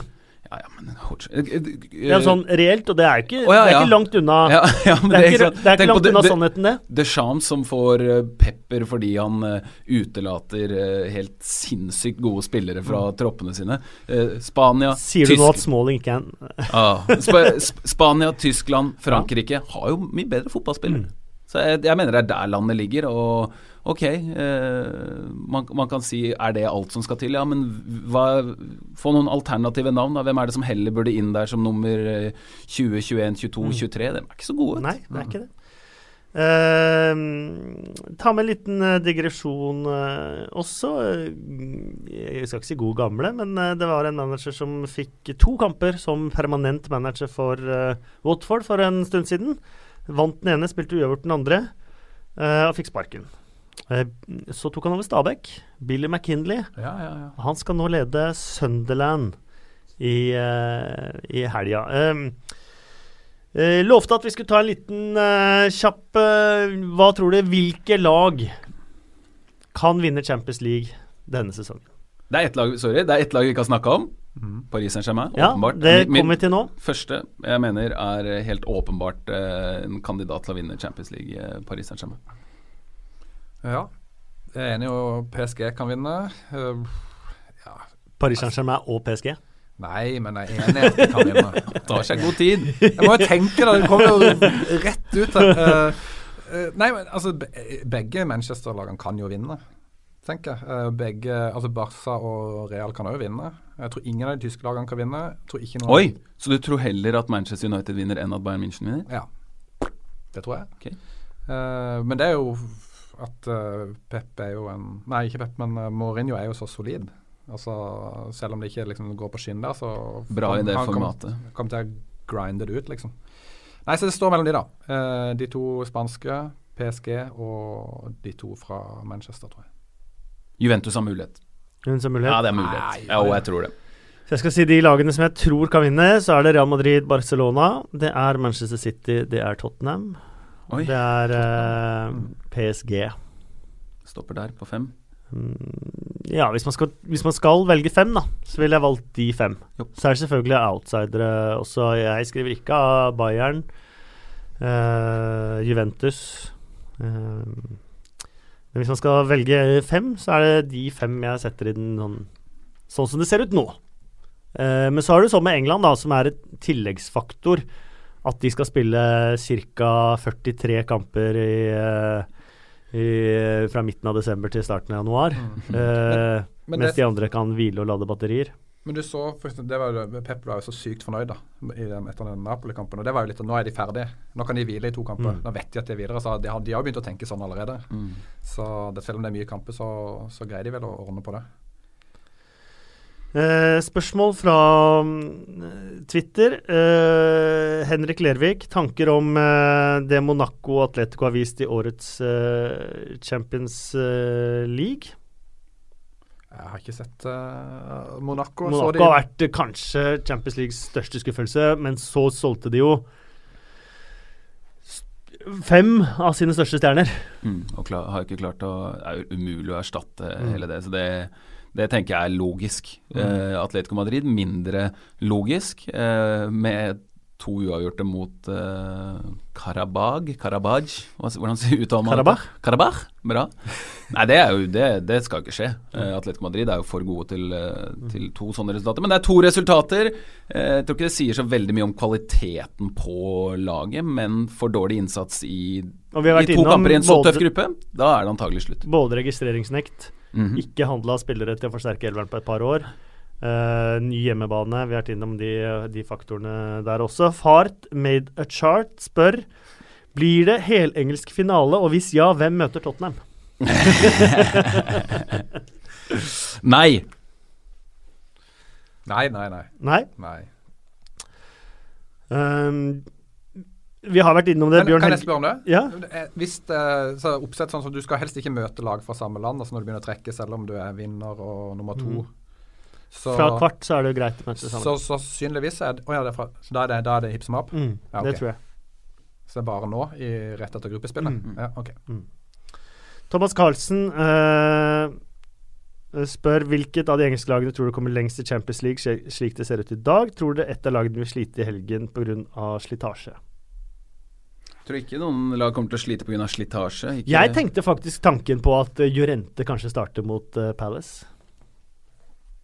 Ja, I så fall, uh, i så fall pga. at det er en muskelgreie med Kane, men jeg for, for, for, jeg håper han starter fantasy og alt det her. Du elsker fantasy også. Nei, men uh, jeg tror ikke det. Jeg, jeg, det. Det laget jeg ser for meg nå kommer lengst, det er jo Manchester City. Uh, det kommer en runde til uh, helga. Det er noen fantastiske uh, kamper, spesielt på søndagen. På søndagen så Uh, racker de opp på rad og rekke på TV2 Sport Premium og Sumo. Chelsea, Manchester United, Manchester City, Arsenal, Tottenham, Crystal Palace. Tanker om de kampene? Tanker om de kampene. At uh, den, uh, den, på Stamford Bridge er jo egentlig den jeg Husker kanskje, du forrige sesong? Ja, for, ja for, for, underholdningsverdien så tenker jeg at det ikke er den jeg gleder meg til. Men for alt som står på spill, så er det jo det for Uh, Manchester United Ja, man kan uh, klare seg ganske bra hvis man spiller uavgjort i alle, i alle bortekampene mot andre topplag, men det avhenger jo av altså resultatene i de andre lags kamper. Så hvis Manchester City vinner mot Arsenal, så bør United virkelig ha en seier. Og i utgangspunktet tenkte jeg Mourinho dit, ødelegge festen, gjøre det så lite underholdende som mulig, mm. få med seg et poeng. Men det poenget blir jo bare mindre og mindre verdt eh, når Manchester City er så bra. Og de skal spille før. Jeg tror Manchester City vinner mot Arsenal. Og da tenker jeg at den kampen mellom Conte, Mourinho, litt såra Chelsea, ah. United som trenger seier, er helt perfekt som en avslutning på den runden. Mm. Det er jo verdens beste tabell for uh, den, den, søndagen. Mm. da. Det er jo helt sjukt morsomt, da. Mm. Samtidig, Arsenal har vært bra mot Manchester City. De har tapt én av de siste ni, eller noe sånt. Så det er ikke helt det er ikke helt utenkelig at de gir dem en kamp, i hvert fall. Det blir en uh, voldsom utfordring for Claude uh, Puel. Det blir i hvert fall ordentlig, om ikke lakmustest, men jeg syns det var veldig spennende å se uh, Leicesters nye system, med Ben Chilwell på kant. masse plass plutselig for Riyad Mares og, og DeMari Gray, endelig med, med tillit. det så ut litt som en sånn resept på å få Leicester til å se rejuvenated ut. Og passa perfekt å spille mot uh, Everton, som ja. var på front foot når de burde vært på back foot og tatt imot litt. Så går de ukritisk i press og etterlater seg rom. Og nei, det blir en helt annen kamp mot Stoke. Newcastle Bournemouth, Joshua King kanskje tilbake. Det trenger de. De fikk to mann ute med muskelskader i forrige kamp. Både Uh, Stanislas måtte ut med skade. Og hvem var det andre som måtte ut med skade i uh, helga? Det var uh, ved en offensiv spiller Afobi. Mm. Uh, Defoe, tre mål på sine 22 siste, liga, nei, 22 siste kamper. Han er ikke Nei, men han har spillere bak seg som ikke er kreative. Han skåra ikke siste halvåret i Sunderland heller. Han skåra masse mål i starten, ut på landslaget og sånt nå, så har det vært helt Helt mørkt.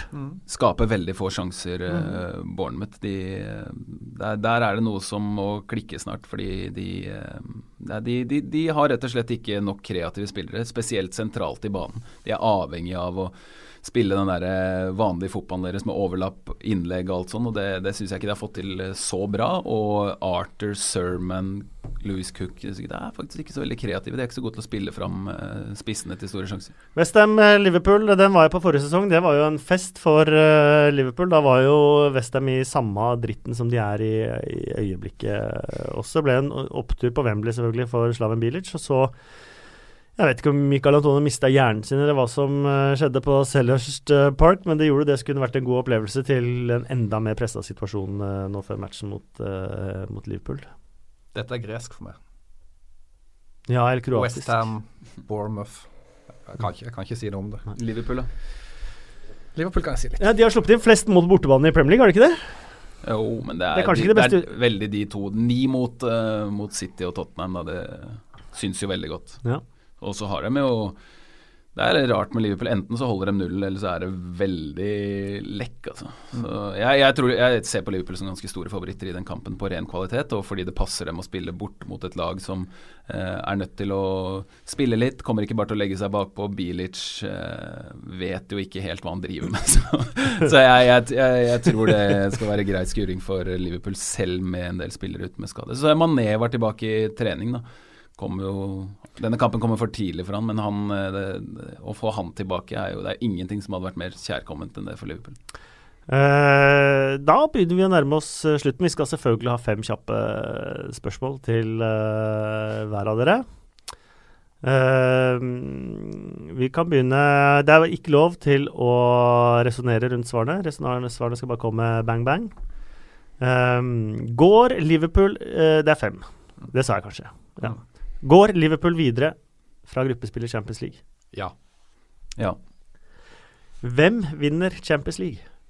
PSG. Du kan ikke si det samme.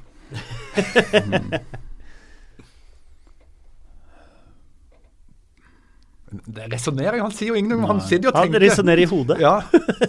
Du, du, får stå med Real Madrid. Ja, du må stå med din mann. Hvem blir toppskårer i Champions League? Ronaldo. Ronaldo. Når får Phil Foden sin første Premier League-start? 2018. Før jul. Hva blir resultatet mellom Manchester United-Chelsea og Manchester City-Arsenal? 1-1 og 3-3. Det var selvfølgelig Chelsea-Manchester United. Chelsea-Manchester United ja. først. Da tipper jeg 2-1. Uh, Manchester City-Arsenal 3-1. Supert. Eivind, yes. tusen takk for at du kunne komme igjen. Bare hyggelig. Veldig deilig med mennesker som vet masse om ting jeg uh, vet ekstremt lite om. Og som har så fin dialekt. Og som har så fantastisk uh, Vennesla-dialekt. Han er fra Mandal, altså. Uh, Simen, superhyggelig at du kunne komme. Bra, det. Det var gøy. Og Jim Fosheim, tusen takk for at du og Moderne Media lagde denne episoden. Og så håper jeg at du som har hørt på, uh, har kost seg uh, fælt, og at du går inn på iTunes og gir oss en uh, rating og en kommentar hvis du likte det du Ikke noe trolling nå? Ikke noe, ikke noe trolling, Nei, nå har vi vært, vært, gjennom det der, så ikke, ikke det.